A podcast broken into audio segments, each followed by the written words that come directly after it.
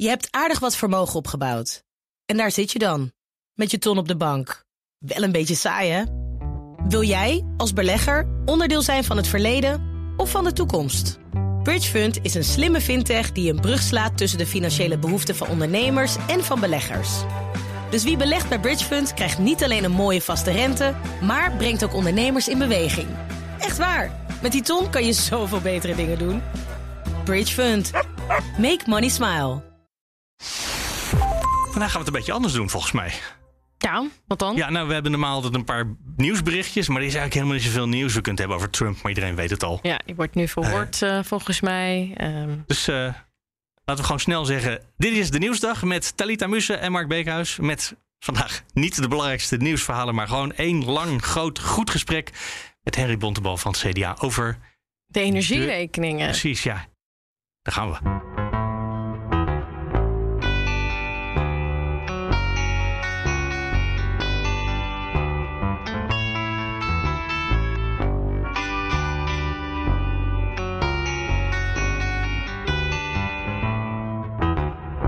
Misschien wel het onderwerp waar we het het meest over hebben gehad hier in de podcast in het afgelopen half jaar zo'n beetje.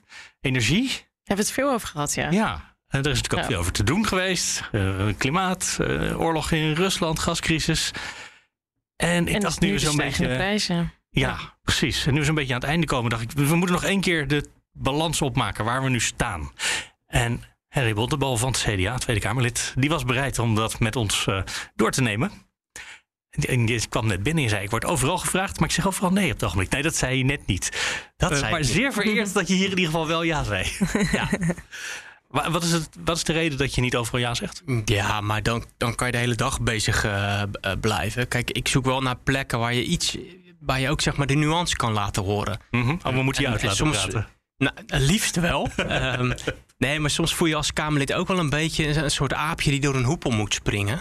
Mm -hmm. uh, of je even in twee minuten wil uitleggen hoe de hele wereld in elkaar zit en hoe complex het allemaal is. Ja. Zodat er even een quoteje geknipt kan worden. En uh, daar pas ik af en toe voor. Soms, sommige zijn, soms zijn dingen gewoon complex en moeilijk. En dan heb je even de tijd nodig ook om uit te leggen waarom dat zo is. Ik denk dat dat bij energie zeer waar is. Ja, het is, het is, het is onwijs complex. Ik, ik heb nu, nou, ik zit nu 14 jaar soort van in dat vak. Mm -hmm.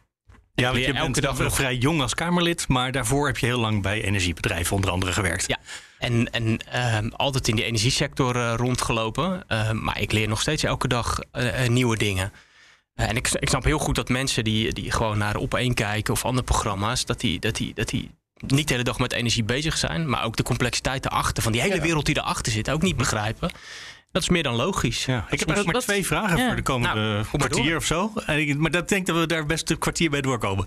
Ik ben wel benieuwd eigenlijk nog even wat een belangrijke misvatting is die je dan veel oh, hoort. Ja, waarvan jij uh, in de talkshows of van collega-kamerleden. Ja, nou, nou dat zit meer in de oplossingenkant. Kijk, nou, het is eigenlijk twee dingen. Die, die, die, als, je, als je het dan hebt over irritaties. Um, Kijk, er is gewoon um, een energiecrisis en, en die prijzen, dat is, dat is gigantisch. En de suggestie dat, dat zeg maar alleen Kamerleden van de oppositie zich daar druk over maken, dat is natuurlijk niet waar. Ik ben uh, daar al maanden mee bezig. Uh, aan het puzzelen, sommetjes aan het maken, met energiebedrijven aan het bellen, constructies aan het verzinnen.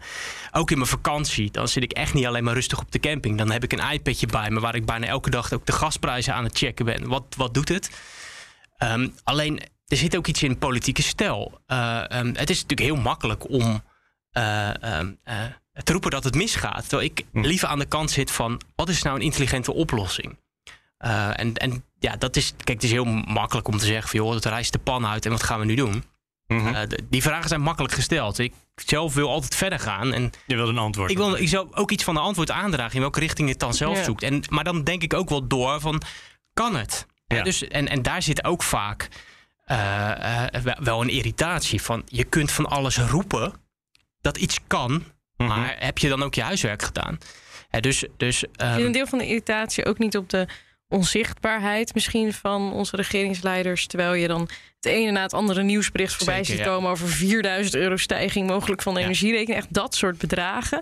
En dat je dan tegelijkertijd weet van nou, mensen op vakantie en we gaan het pas in september eh, er eens eh, over hebben.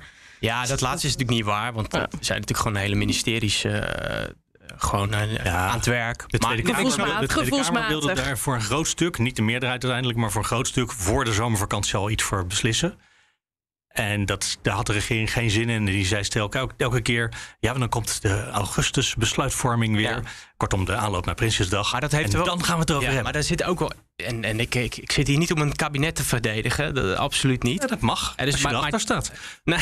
Ja, twee dingen. De, de, de, de, zichtbaarheid vind ik ook een punt. Hè. Ik heb er pas bij WNL ook, ook iets over gezegd. Van dat ik vind dat, dat ministers gewoon beter moeten uitleggen wat het beleid is wat ze voeren. Um, en, de, en, en het kan nog zo goed zijn, maar leg het uit. Leg, mm leg vooral de afwegingen die je maakt, die eronder zitten, leg die uit. Ja. Mensen zijn niet dom. Leg gewoon uit, ik heb, ik heb drie, vier belangen die ik moet dienen. En dit is de afweging die ik maak. Dus ik kies ervoor om het ene belangrijker te maken dan het andere enzovoorts. Nou, uh, dus dat, dat, is, uh, uh, dat is één. En het tweede is natuurlijk van... Het, het, gaat waarschijnlijk op een groter pakket uitdraaien. Omdat je waarschijnlijk niet alleen maar in de energierekening dingen kunt repareren als het buiten de energierekening gaat, ja, dan raakt het alles. Hè? Dus dan mhm. raakt het, eh, het kan de BTW raken, de inkomstenbelasting, weet zorgtoeslag. En, en dus is het ook logisch dat een kabinet wel zegt, ja, maar dan moeten we dat wel hele pakket bekijken. En ook met de meest recente cijfers. En de ontwikkelingen gaan ook zo hard. Dat, ja, weet je, kijk naar de afgelopen weken wat er op de energiemarkt is gebeurd. Ja, grote verandering. Nou, dan komen we bij mijn twee vragen. De ene, en dat zijn hele platte vragen, maar die zijn volgens mij wel degene waar half Nederland mee rondloopt. Hebben we de hele tijd voldoende energie? De komende jaar, zullen we zeggen, tot volgende zomer. En als het er is, kunnen we betalen. En dat zijn allebei niet triviale vragen op het ogenblik. Terwijl we daar twee jaar geleden niet over nagedacht zouden hebben. Eigenlijk is de eerste vraag. Ja. Um, um, is een, dit zijn, laat ik het anders zeggen, die twee vragen, dat is één vraag. Ja, die zijn uh, elkaar. We hebben het te vaak over: is er wel genoeg energie? Ja, dat is er. De vraag nou, is, is er genoeg tegen nee, nee, nee, ik zag net uit, ik geloof dat het Ierland was, waar ze waarschuwen dat ze nu het, uh, voor de komende tijd ook niet genoeg stroom kunnen opwekken.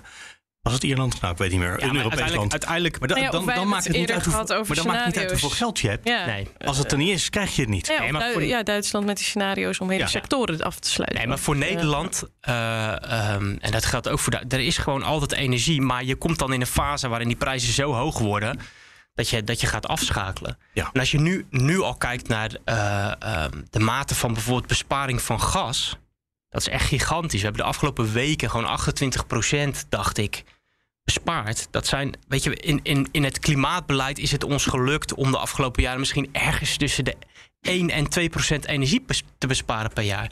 Nu gaat er gewoon bam 30 procent vanaf. En dat is omdat die bedrijven zeggen... dan zetten we de fabriek wel stil op met dit soort tarieven. En, en dat is ook, dat, dat, dat hebben ook voor een deel veel mensen niet in de gaten. Maar dat, dat, dat geeft een klap, dat is niet normaal. dus de, hoe bedoel je, die klap? Hoe ziet die De gasprijs is richting de 200 euro schommelt hij al een aantal dagen. Ik geloof 192 vandaag of zo. 192 euro per megawatt.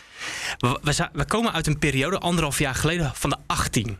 Dus dit is een factor 10 hoger. Absurd. Ja. Dus dat is absurd. Dat, en, dat kunnen bedrijven niet heel lang dragen. Um, dan denk je, nou, dan gaan ze iets met elektriciteit. De elektriciteitsprijs, heb ik vanmiddag nog zitten checken, die zit ook, ook hoog. boven de 300 euro. Ook langjarig. Uh, die, die kwam van 50 uh, eh, euro per megawattuur. Dus daar gaat de factor 6 overheen. Dus dit raakt de industrie zo keihard. En kijk, als je weet dat het een dipje is voor een paar weken of een paar maanden. Maar de analisten die zeggen nu: van ja, dit gaat, uh, het gaat langjarig gaat dit zo mhm. zijn. Niet de prijzen die we nu zien, hè, want dat, dat zijn, dat is, maar wel langjarig hoger. Dus we moeten ook dat helemaal nieuw, opnieuw doordenken. En het gaat natuurlijk op allerlei manieren gaat het effect ook ons hele klimaatbeleid. Uh, daar, daar, gaan alle dingen. Ja, voor een deel uh, gaat dat automatisch nu. Ja, voor een deel niet. Eh, voor een deel gaat het automatisch. Alleen uh, het zou het mooiste zijn als dat echt in efficiëntiemaatregelen zat.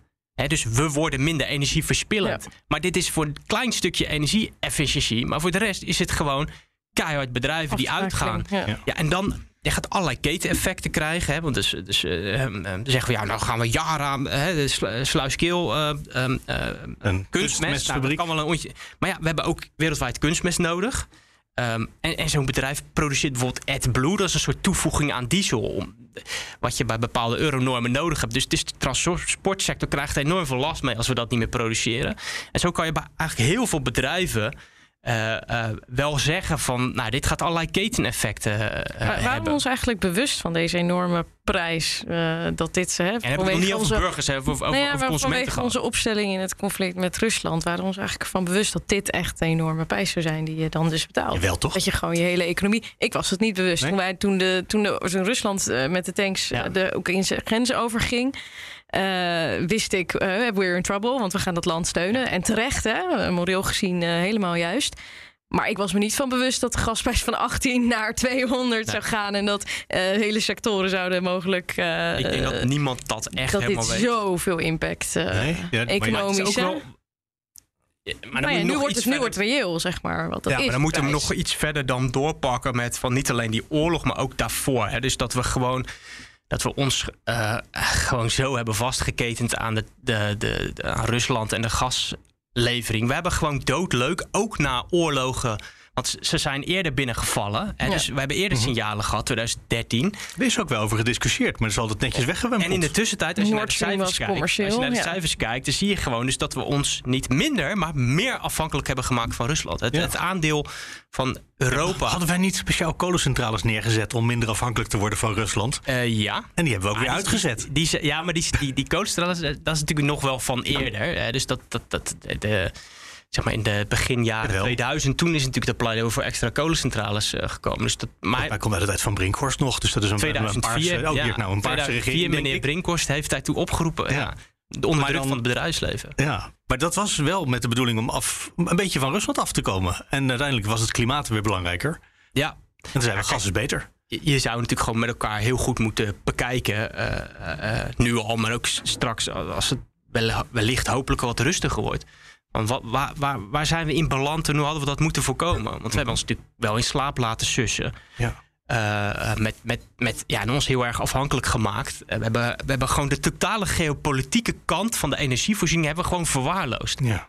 Of, of, we waren naïef. We waren naïef. Ja, heel naïef. Ja. Ja. Okay, maar, ja, het is ook een soort, een soort ook, ook maatschappelijk wel. Van, mm. Maar dat, dat is natuurlijk ook allemaal achteraf praten. Maar dan zit je nu te kijken van we hebben ons als samenleving zo veilig gewaand. En de wereld was onveilig, maar wij hadden het goed in Europa. Maar dat was ook toen al niet zo. De wereld was toen al onveilig. En we zijn misschien nu ook naïef over China, zoals we nu, zoals de afgelopen jaren naïef waren over Rusland. En eh, China zit ook op allerlei grondstoffen. En wat China flikt bij de Oeigoeren is natuurlijk ook gewoon. en wat ze gaan doen met Taiwan.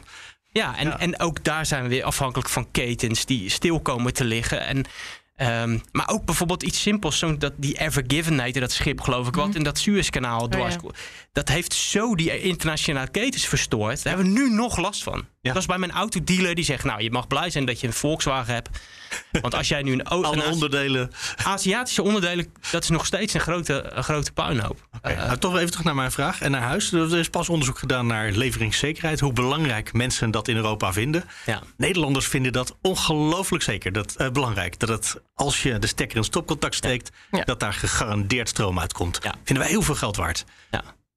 Gaan we dat waarmaken in het najaar? Of gaan we periodes meemaken met blackouts? Nee, dat, dat denk ik niet. Voor thuis. Uh, daar zit mijn zorg in ieder geval niet. Uh want we hebben gewoon onwijs leveringszeker. Zeg maar aan de kant van de elektriciteitsnet hebben we het gewoon allemaal goed geregeld. Daar kwam dat onderzoek ook vandaan. Hè. Dus je moet wel de, de, context. Dat zijn natuurlijk. Kijk, de, de, de, de netbeheerders die hebben gewoon een hele hoge uh, zekerheid van transport door hun net. Daar gaat het over. Uh, en dat zal gewoon blijven, want die normen zijn gewoon hartstikke hoog. Dat is ook de reden waarom veel bedrijven zich in Nederland vestigen. Omdat er is gewoon altijd voldoende stroom. Het, de vraag wordt nu gewoon uh, tegen welke prijs. En dat is natuurlijk waar er nu heel veel zorgen over zijn. En die snap ik als ik goed. Ik zit ook. Ik heb een deel van mijn zondagavond ook besteed weer aan achtergaslicht.com zitten. En allemaal bedenken van welke, welke type huishoudens raakt het nou? Uh, hoeveel is dat? Uh, weet je, dus ik zit ook die sommetjes te maken. Het lastige is gewoon, er is niet zomaar een silver bullet waar ik aan kan draaien. En dat ik kan zeggen, nou, als ik dat doe, heb ik, heb ik het geregeld. En eigenlijk het meest complexe is maar waarom is er niet? Want ik ben misschien wel zo'n simpele burger die dan inderdaad ziet van nou, er worden allemaal winsten gemaakt. Hè, Van de Albert Heijns tot aan de energiebedrijven. Iedereen lijkt dan een soort van meer winsten te maken uh, door een situatie waar ze niks zelf aan kunnen doen. Ze hebben niet per se beter werk gedaan of betere marketing of wat dan ook. Ja. is daar niet, en dat, zijn, is, dat is misschien zo'n simpel voorstel, wat dan bijvoorbeeld vandaag door de SP wordt gepresenteerd: van doe gewoon een deel van die winsten gebruiken om de prijzen op een bepaald niveau te houden. Ja, maar of, of mensen te compenseren. Maar is, waarom, waarom is dat ja, geen silver bullet? Welke bedrijven maken winst? Hè? Dus dan hebben we het vaak over oliebedrijven. Maar dit gaat over gas en elektriciteit. Dus, dus daarnaast, uh, uh, ik denk dat een heel aantal olie- of energiebedrijven, gewoon de leveranciers, het nu ook moeilijk hebben. dus het zou mij ook niet verbazen dat daar een aantal gaan omvallen. Omdat die bijvoorbeeld verkeerd hebben ingekocht of te korte termijn hebben zitten gokken. Dus ik denk dat we ons juist ook zorgen moeten maken op de kant van de leveranciers, de elektriciteits- en gasleveranciers, dat, dat daar wel eens een aantal ook nog om kan gaan vallen. Dus daar zit meer mijn uh, zorg. Um, Wat gebeurt er dan? Want dan... Ja, nou ja, dan wordt het wel opgevangen. Maar als dat natuurlijk allerlei, ook weer allerlei keteneffecten gaat hebben. Want een kleintje kan best omvallen, dat wordt wel opgevangen. Maar als het natuurlijk grotere. Kijk, dan en, gaan we het zoals met de banken nationaliseren. Ja, nou, in Duitsland, RWE, ja, is uh, daar is dat gebeurd. Uh, um, kijk, en die energiebedrijven moeten gewoon energie inkopen. Dat zijn natuurlijk voor een deel hebben ze eigen productie. Nou, uh, en voor een deel kopen ze zich ook, ook gewoon in. Handelaren, ja. dus, dus het, soms, zeg maar, en met name die kleinere, die, ja, die, die, die, die kopen gewoon in op de markt en verkopen. Dus die hebben gewoon ergens een kantoortje. Die hebben niet eens eigen productie. Grotere hebben eigen productie, maar ook daar geldt dat gas moeten ze inkopen om, om eh, de gascentrale te laten, laten draaien. En die kolen moeten ze ook inkopen op een wereldmarkt die ook uh, uh, zeg maar toegenomen is. Dus ja, er dus geld zeg maar van de ene groep naar de andere groep ja, maar zo simpel is, het zeg niet. maar niet een, een, een, reëel. Maar wat, wat zijn dan zeg maar Waarbij wel... ook die bedrijven, die hebben we dus ook. Hè, want Shell is natuurlijk ook gewoon naar het Verenigd Koninkrijk vertrokken. Dus op welke, welke vorm wil je ze dan gaan Ik heb zelf de Kamervraag gesteld, schriftelijke vragen over ja. Is het mogelijk? En dan zie je dus in de antwoorden dat het echt best wel lastig is om dat, om dat, om dat daar vandaan eh, te halen. Kijk, eigenlijk zie je een, een, een de, de, de, experts zeggen van als je wil compenseren, moet je dat zo gericht mogelijk doen. Want anders ben je heel veel geld kwijt en voorkomen ook verkeerde prikkels. Dus liefst zo gericht mogelijk.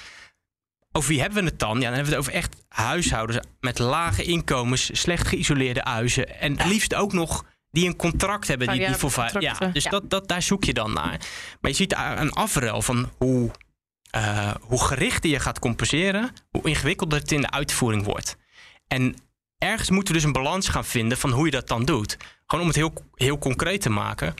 Um, vandaag kwam ook uh, een rapportje van uh, C Delft, ook, nou, besteld door Eneco. En die, die kwamen er ook mee in de pers van... Hè, we, we, willen bijvoorbeeld die heffingskorting. Dat is een bepaalde korting die op je energierekening hm. zit. Iedereen met een elektriciteitsaansluiting krijgt een paar honderd euro heffingskorting. Of uh, vrijstelling energiebelasting heet die inmiddels, geloof ik. Um, die zeggen, ja, dan moet je gaan differentiëren naar inkomen. Nou, het idee is leuk, maar denk eens door wat dat betekent. Dat betekent dus dat er gegevens over inkomens bij leveranciers terecht moeten komen. Denk eens door wat dat is. Dat, Ik wil dat niet. Want als een energieleverancier precies weet wie er lage inkomens zijn en wie ook risico's lopen, dan weet ik wel wat er gaat gebeuren. Dus dat wil je niet. Nou, hoe kan je dat voorkomen? Dan moet je er een complete instantie tussen gaan zetten. Dus alleen al qua AVG, hè, dus het delen van gegevens, loop je hier met een issue.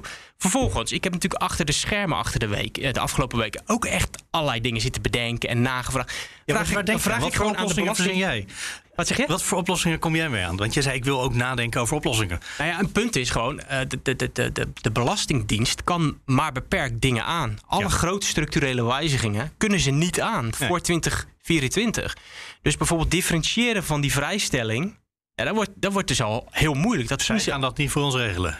Nee, maar wie dan wel, zeg maar. Hè? Dus, dus ja, ik zit ook mijn hoofd te breken over van, van, van um, uh, hoe je dat kan doen. Ik heb zelf Kun je niet iets doen als in de richting van tijdens corona bijvoorbeeld kreeg je uitstel van uh, belasting betalen voor ongeveer uh, nee, 24 soort... maanden bijvoorbeeld. Dus, dat, of dat, hè, dus dat in ieder geval mensen die hier door deze situatie de komende tijd schulden gaan opbouwen of belastingen niet kunnen betalen, dat die voor 24 of 48 maanden uitstel krijgen. Betalingsregelingen, dat soort zaken. Nee, daar zit, daar zit, dat is dus een route waar ik aan zit te denken. En ik krijg er ook mails over hè, van, van mensen die, die, die het in die richting zoeken. Dus daar kan je naar kijken.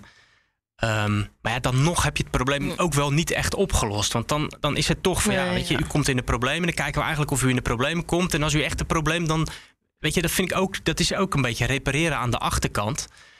Ik denk dat je er niet aan ontkomt in het, om in het totale pakket uh, te kijken. Maar het liefst zou ik wel binnen de energierekening iets doen.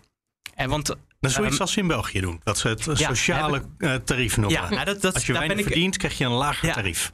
Ja, heb ik ook naar gekeken. Want ik, nou, een aantal maanden geleden heb ik Eneco gebeld. Gewoon gezegd, joh, uh, in België doen ze dat. Um, uh, kan het hier ook? En ik heb ook natuurlijk speciaal Eneco gebeld, want Eneco zit in België. Dus ik zei ook, jullie doen het in België, dus ja. daar kan het blijkbaar.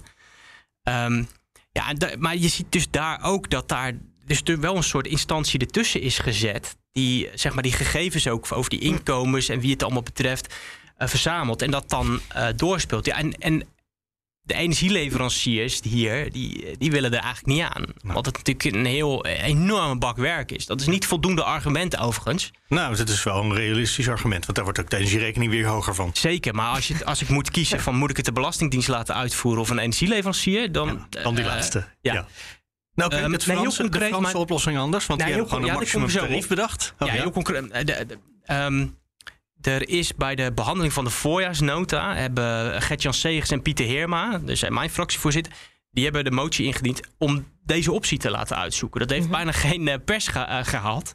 Maar um, die hebben precies dat sociaal energietarief... hebben ze in de motie versleuteld. En daar heb ik natuurlijk ook met Pieter over gehad. Van, ja, laat daar naar kijken. De Kamer vindt het een goed ja. idee. Ja, maar wel echt van kijken mm -hmm. of het werkt. Want je kunt ja. wel zeggen dat het werkt, maar... Nou, Um, al die maatregelen doen ook allerlei, daar doe je ook allerlei marktingrepen mee. Hè? Dus die verstoren die markt. En dat, dat, daar kunnen ook gekke dingen gebeuren. Mm -hmm. Dus dat bedrijven bijvoorbeeld ja, moet misbruik goed gaan maken. Worden.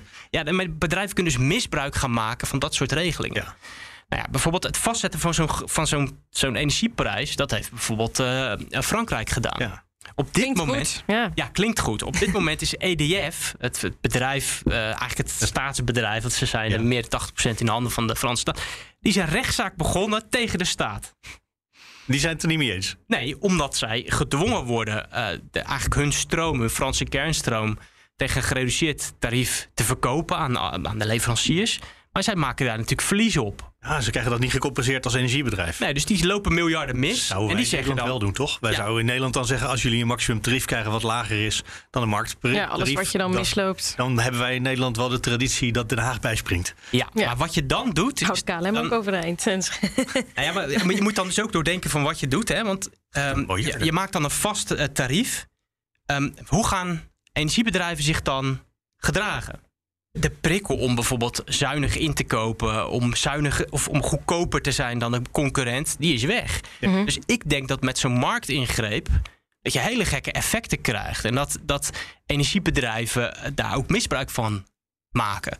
En het is natuurlijk heel duur als je het aan iedereen gratis, als je iedereen korting ja, Dat is mijn grootste bezwaar. Dat, dat, dat, uh, uh, ik, ik hoor dat ook aan de, aan, de, aan de linkerkant van het politieke spectrum hoor ik dit idee. Mm -hmm. Dit is de manier om rijke mensen rijker te maken. He, dus, dus, want je doet dat het... zeggen ze op links er niet bij hoor. Nee, dat vertellen ze niet bij, maar, maar je doet het voor iedereen. Ja. Um, dat betekent dus ook gewoon dat mensen met ja, een jacuzzi... en gewijzen ja. meer aan. Maar ja, je garandeert wel in ieder geval dat mensen binnen hun bestaanszekerheid in ieder Klopt. geval energie... Ja, maar ook met dus... de mensen met een buitenzwembad wat uh, op 28 graden gehouden moet worden... die kunnen dat ook ineens makkelijker betalen.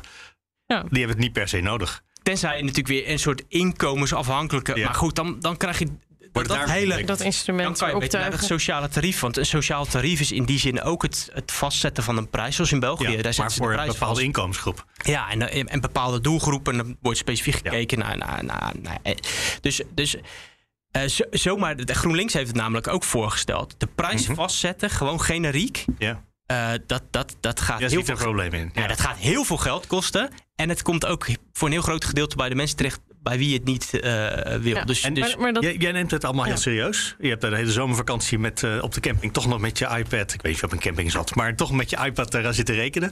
Ja. Uh, toch op de een of andere manier, als je kijkt naar Nederlandse politici in het algemeen, niet per se alleen de regering, maar ook de Kamerleden, die. Ik hoor daar veel minder paniek dan wat je ziet uit de maatregelen die in Duitsland, die in Frankrijk, die in België ja. genomen zijn. Hoe kan het dat het daar nou, je hoort meer aan lijkt te komen. En uh, Omtzigt en zo, die zitten wel iedere dag hierover te tweeten. Maar ja. voor de rest en, maar, maar Pieter Omtzigt is een eenmanspartij. Ja, en de precies, SP dus is al heel lang een, ja, een belangrijke, maar toch marginale partij. Nou, wat ik, ja, ik vind het moeilijk te beoordelen. Omdat ik. ik um, kijk, een, deel, een groot deel van het werk wat ik zelf ook doe, gebeurt ook achter de schermen. Mhm. Maar dat heeft ook met politieke stijl te maken. dus, dus als ik ergens een probleem zie, ik vind het altijd. Ja, ik, maar goed, dat, dat, past gewoon niet bij mij. Maar ik, het is heel makkelijk om 100 kamervragen te stellen. Mhm. Weet je, dat is een uurtje werk. Heb je 100 kamervragen en dan zeg je aan het eind.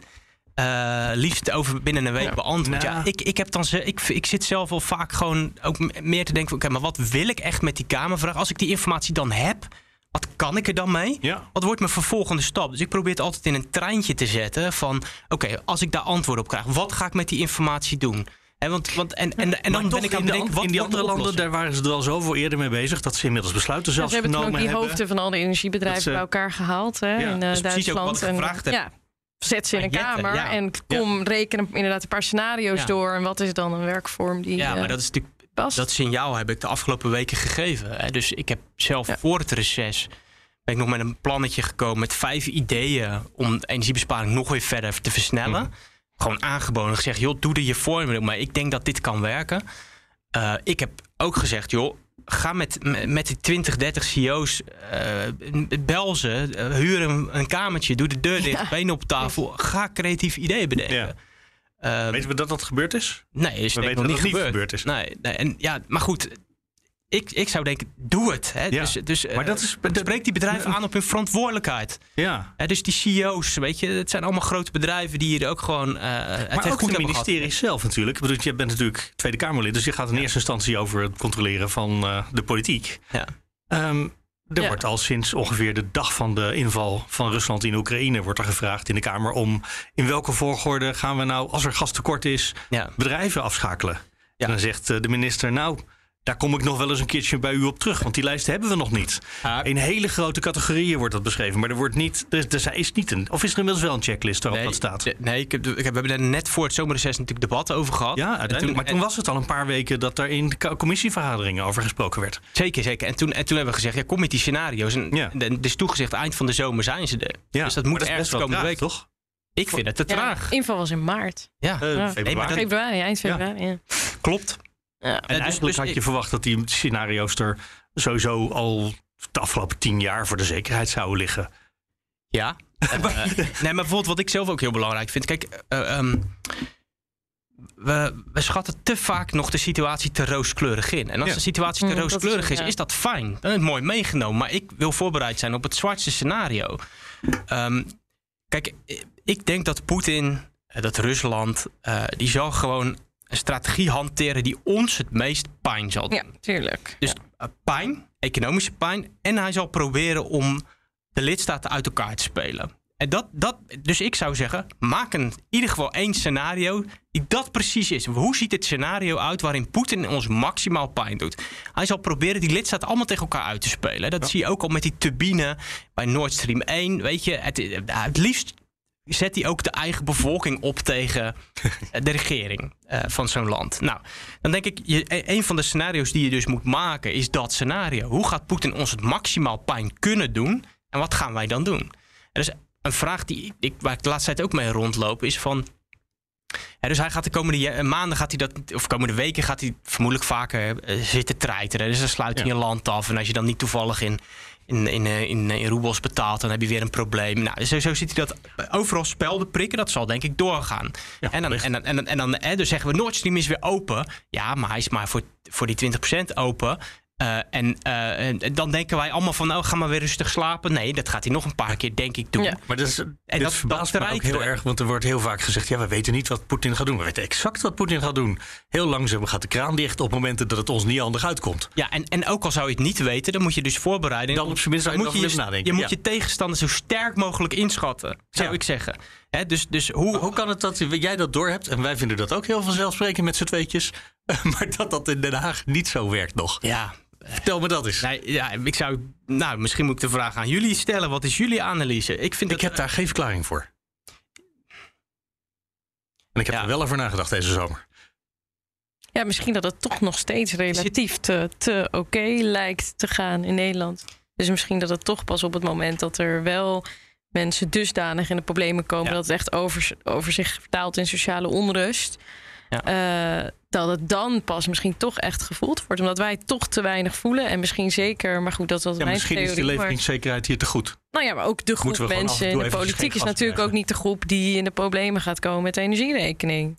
Ja. Of is dat heel flauw om zo te zeggen dat dat ook meespeelt? Maar ik denk dat dat soort dingen ook meespelen. In welke dat mate meespeelt, dat het dan toch abstract blijft. Ja, van, ja maar dat we zitten in een crisis, maar ik voel hem niet. Ik zie hem niet. En de mensen om me heen hebben hem ook niet. Nee, maar, dat, is... Wel. Je komt in de supermarkt en je merkt dat alles ik las vanmorgen dat 20% ja, maar is, maar dat, alles echt Je kan het nog hebben. Maar je kan het zeg maar nog hebben. Het is nog niet zo dat je zeg maar, nu al bij de schuldsanering loopt en uh, gewoon letterlijk niet, het niet meer letterlijk niet kan betalen. Zeg maar. Dat kan een effect zijn. Hè? Dus dat, dat, dat Kamerleden zelf hebben ja. gewoon een inkomen wat goed is. En, uh, ja. Maar dat, dat suggereert ook dat we daar geen gevoel voor hebben. Ik woon in Rotterdam Zuid en, en echt niet in een huis van, van, van een miljoen. Uh, dus gewoon in een rijtje staat met de rijtjes. Mijn buren die hebben dit soort issues natuurlijk gewoon. En, en, en mijn vrouw die werkt in een van de slechtste wijken van Rotterdam. Ja. Uh, als verloskundige. Dus die, komt die hebben daar contacten, ja. Ja, dus ik, ik, ik, denk echt wel dat ik weet wat er aan die kant gebeurt. En iedereen heeft familie en vrienden. En ik neem aan dat dat allemaal niet mensen zijn die tot de 10% rijkste uh, van Nederland behoren. Dus, dus... Is het gewoon niet te stijl om te alarmistisch te handelen? Om inderdaad, wat jij ja, zegt, om gewoon veel meer dat in, in de structuren die er zijn op te lossen in gesprek. Om niet in plaats van inderdaad, zo'n bericht over een paar duizend euro meer aan je energierekening. Ik kom nu terug van vakantie, ik haal nu al die energiehoofden nu in een hok. Dat dat gewoon totaal niet de stijl is waarmee wij uh, een crisis überhaupt aanvliegen. Want bij corona deden we dat eigenlijk ook niet. Nee. En dat ook allemaal via de bestaande overlegstructuren. Wat ook een waarde in zichzelf is. Hè? Want daardoor is het democratisch en gedragen. Ik denk ook wel gewoon van de, de, de, um, de nood is nog niet echt aan de man. In de zin dat dat mensen gaan nu pas ook die in de energiecontracten het echt merken. En gaan misschien ook nog een voor zich uitschuiven door gewoon de. de hoe zeg je dat? De, de, de, voorschotbedragen te verlagen. Dus de, de, de pijn komt misschien ook nog uh, echt. Um, terwijl heel veel maatregelen die je, die je zou willen nemen, moet je eigenlijk die, die, die tellen op. dus die, die, besparen telt op. Dus je, alles wat je eerder inzet is, is, is, is, uh, is goed. Maar iets verder uitzoomend Kijk, je ziet dat de landen die het dichtst bij Rusland liggen, ook het meest. Uh, ja, de meeste crisismaatregelen hebben. Die, die, hebben niet zoveel discussie over gasopslagen gehad. Het is die landen die echt tegen Rusland aanliggen, die hebben jaren geleden al allerlei dingen bedacht om niet afhankelijk te zijn van Rusland. Dus als je die dreiging... Ze vinden ook meer van Rusland dan wij hier in Nederland in de gemiddelde straat natuurlijk. Ja. ja. Ik wil nog heel één, één laatste ding. Dit wordt de langste podcast uit ja, deze Ik heb ook nog één laatste. Jij ook nog? Jij mag, jij mag, nu mag ik vragen. Nog twee vragen. Ja. ja. Nee, nee, nee. Omdat het een complex onderwerp is waar heel veel dingen in samenkomen. Um, is dit achteraf niet een gemiste kans dat we nu niet heel erg enorm op duurzame energie hebben ingezet? Want we hebben natuurlijk geprobeerd om fossiel met fossiel uh, te repareren. Uh, dat laatste is een heel mooi frame, ben ik het niet mee eens. Ja, ik, uh, ik, ik lees hem zo letterlijk voor. Van ja, dit, politiek, dit, dit, dit, is, dit is ook het, het verwijt van de fossiele reflex. Ja, precies. Um, nou, ik herken er wel iets van. We zijn ja, meteen maar, LNG gaan importeren, we zijn kolencentrales aan gaan zetten. Toch, dat, dat gebeurt. Ja, dus uh, ja, ik heb steeds gezegd noodbreed wet. Um, ja. um, als het zo'n crisis is, zul je dit soort rotmaatregelen gewoon moeten nemen. En vind ik ook. Vind ik ook als politicus dat je dat gewoon moet zeggen. Ook al mhm. weet ik dat ik er niet de, de, de credits voor ga krijgen. Dat ik, Tuurlijk besef ik heel goed dat als ik in het NOS-journaal iets zeg over kolencentrales. dat alle mensen die dachten van nou, die Henry die, die, die, die is de Kamer ingegaan vanwege duurzaamheid. Ja, ja en, en, en ik word meteen afgeschreven. Alleen ik vind het ook laf om niet te zeggen dat het niet moet gebeuren. Terwijl ik als expert ja. weet dat het moet gebeuren. Dan moet je ook lef hebben en gewoon naar voren stappen en zeggen: jongens, het is moeilijk, maar dit is wel even nodig. Ja, maar je kan ehm, ook zeggen: nou ja, we maken de procedures voor windmolens op land gewoon wat simpeler. Ja, maar zijn we ook mee bezig? De, de, mensen hebben half niet Worden daar de procedures voor, voor, voor, versneld nu? Ja, nou, en ik, ik, ik, ik uh, uh, het kabinet kijkt daarnaar. er is zelfs in het coalitieakkoord geld gereserveerd. Een deel van het geld, Jette die heeft ook gezegd: van ik ga minister Jette, minister Jette, die heeft ook gezegd dat, dat, heel veel zaken blijven liggen, omdat er gewoon in de, daar zijn te weinig recht is. Daar heeft hij bijvoorbeeld ook extra geld voor gereserveerd om gewoon te zorgen dat die procedures sneller gaan. Dus daar wordt aan daar gewerkt. Wordt gewerkt ja. Um, uh, pas een paar dagen geleden kwam dat uh, windpark uh, van Vattenval online, dat nu ja. stroom aan het produceren is. De, de groei van windenergie op zee naar 21 gigawatt, dat is gigantisch. Dat is het maximaal haalbare. Niemand weet wat 21 gigawatt is, nee, maar, dat, is heel erg probleem. Hoeveel doen we op een dag aan de... Dit is een, Ja, de, de, de, als je een beetje stroomvraag ligt volgens mij uh, op de piek op een dag ergens 18, 19 gigawatt. Dus, dus als zo'n windpark vol draait, en dan zou je volledig in de elektriciteit van uh, Nederland kunnen voorzien. Maar de elektriciteitsvraag gaat natuurlijk heel fors toenemen door verduurzaming weer. Dus, maar het, het coalitieakkoord is gewoon mega ambitieus. Uh, we hebben nog nooit zoveel geld klaargezet voor klimaat als nu.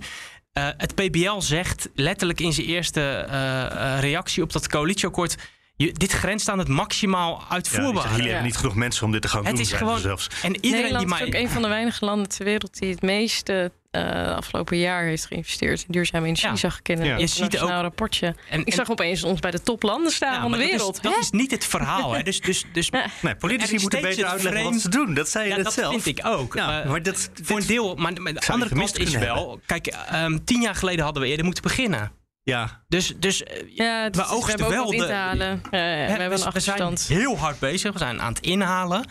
Maar we hadden tien jaar geleden natuurlijk wel degelijk ja. meer en harder moeten investeren. Want dan was de pijn ook nu niet zo uh, erg geweest. Maar Kijk, je ziet bijvoorbeeld, dus naast het pakket met LNG enzovoorts, is er ook een, een, een, uh, komt er een subsidietender om bedrijven snelle energie te laten besparen. Dus er wordt op alle fronten, ook op verduurzaming, wordt er, uh, wordt er ingezet. Dus, dus ik vind het, het, zeg maar de fossiele reflex. Ja, nee, daar ben je het niet mee eens. Het niet mee eens. En het is ook gewoon ma ma makkelijke politiek. Het, is, het, het is rot, maar we hebben het gewoon nodig. En zo, dat verhaal moet je ook durven Dat vind ik hetzelfde. Hoort met... dat voor Gronings gas dan ook? Het is rot, maar we hebben het waarschijnlijk nodig? Nou ja, we hebben, het kabinet heeft steeds natuurlijk gezegd... Ja, die zegt, is... wij willen het als allerlaatste. Ja, maar er zijn heel veel dingen die we als allerlaatste gaan doen.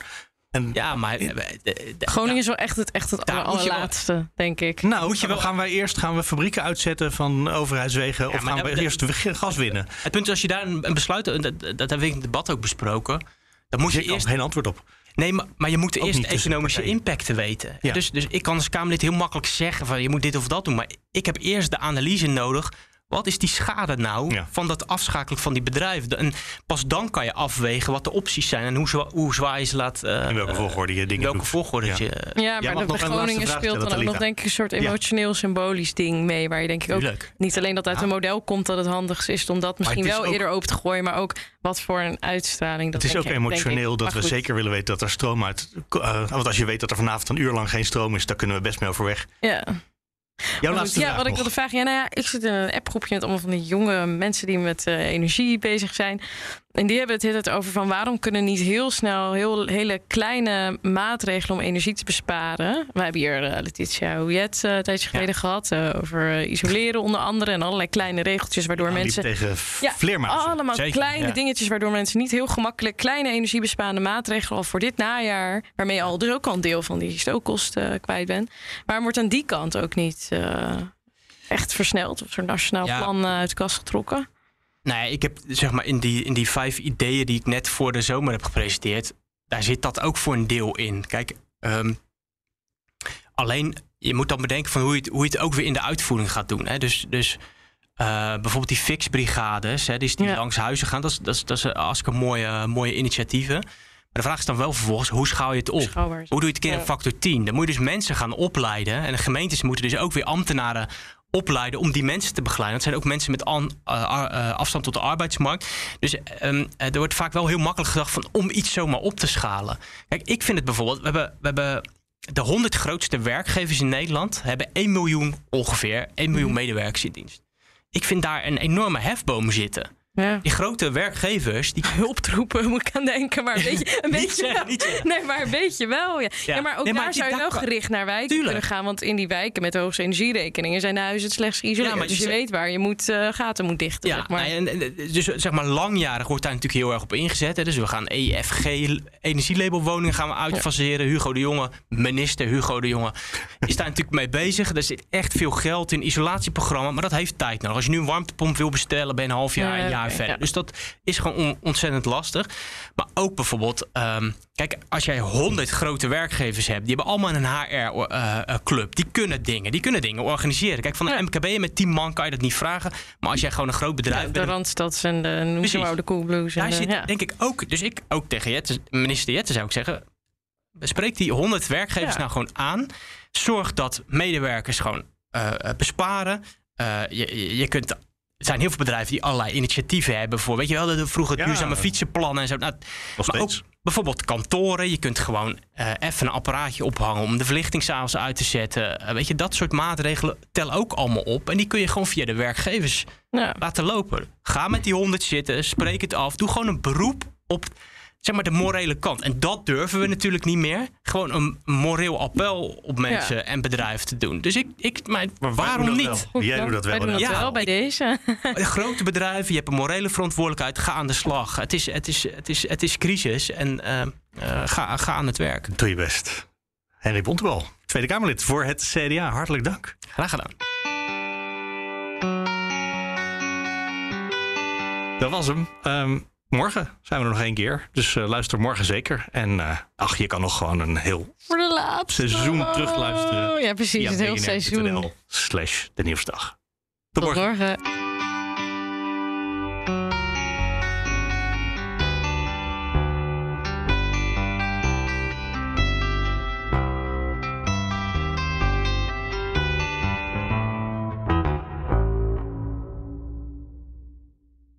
Je hebt aardig wat vermogen opgebouwd. En daar zit je dan, met je ton op de bank. Wel een beetje saai, hè? Wil jij, als belegger, onderdeel zijn van het verleden of van de toekomst? Bridgefund is een slimme fintech die een brug slaat tussen de financiële behoeften van ondernemers en van beleggers. Dus wie belegt bij Bridgefund krijgt niet alleen een mooie vaste rente, maar brengt ook ondernemers in beweging. Echt waar, met die ton kan je zoveel betere dingen doen. Bridgefund. Make money smile.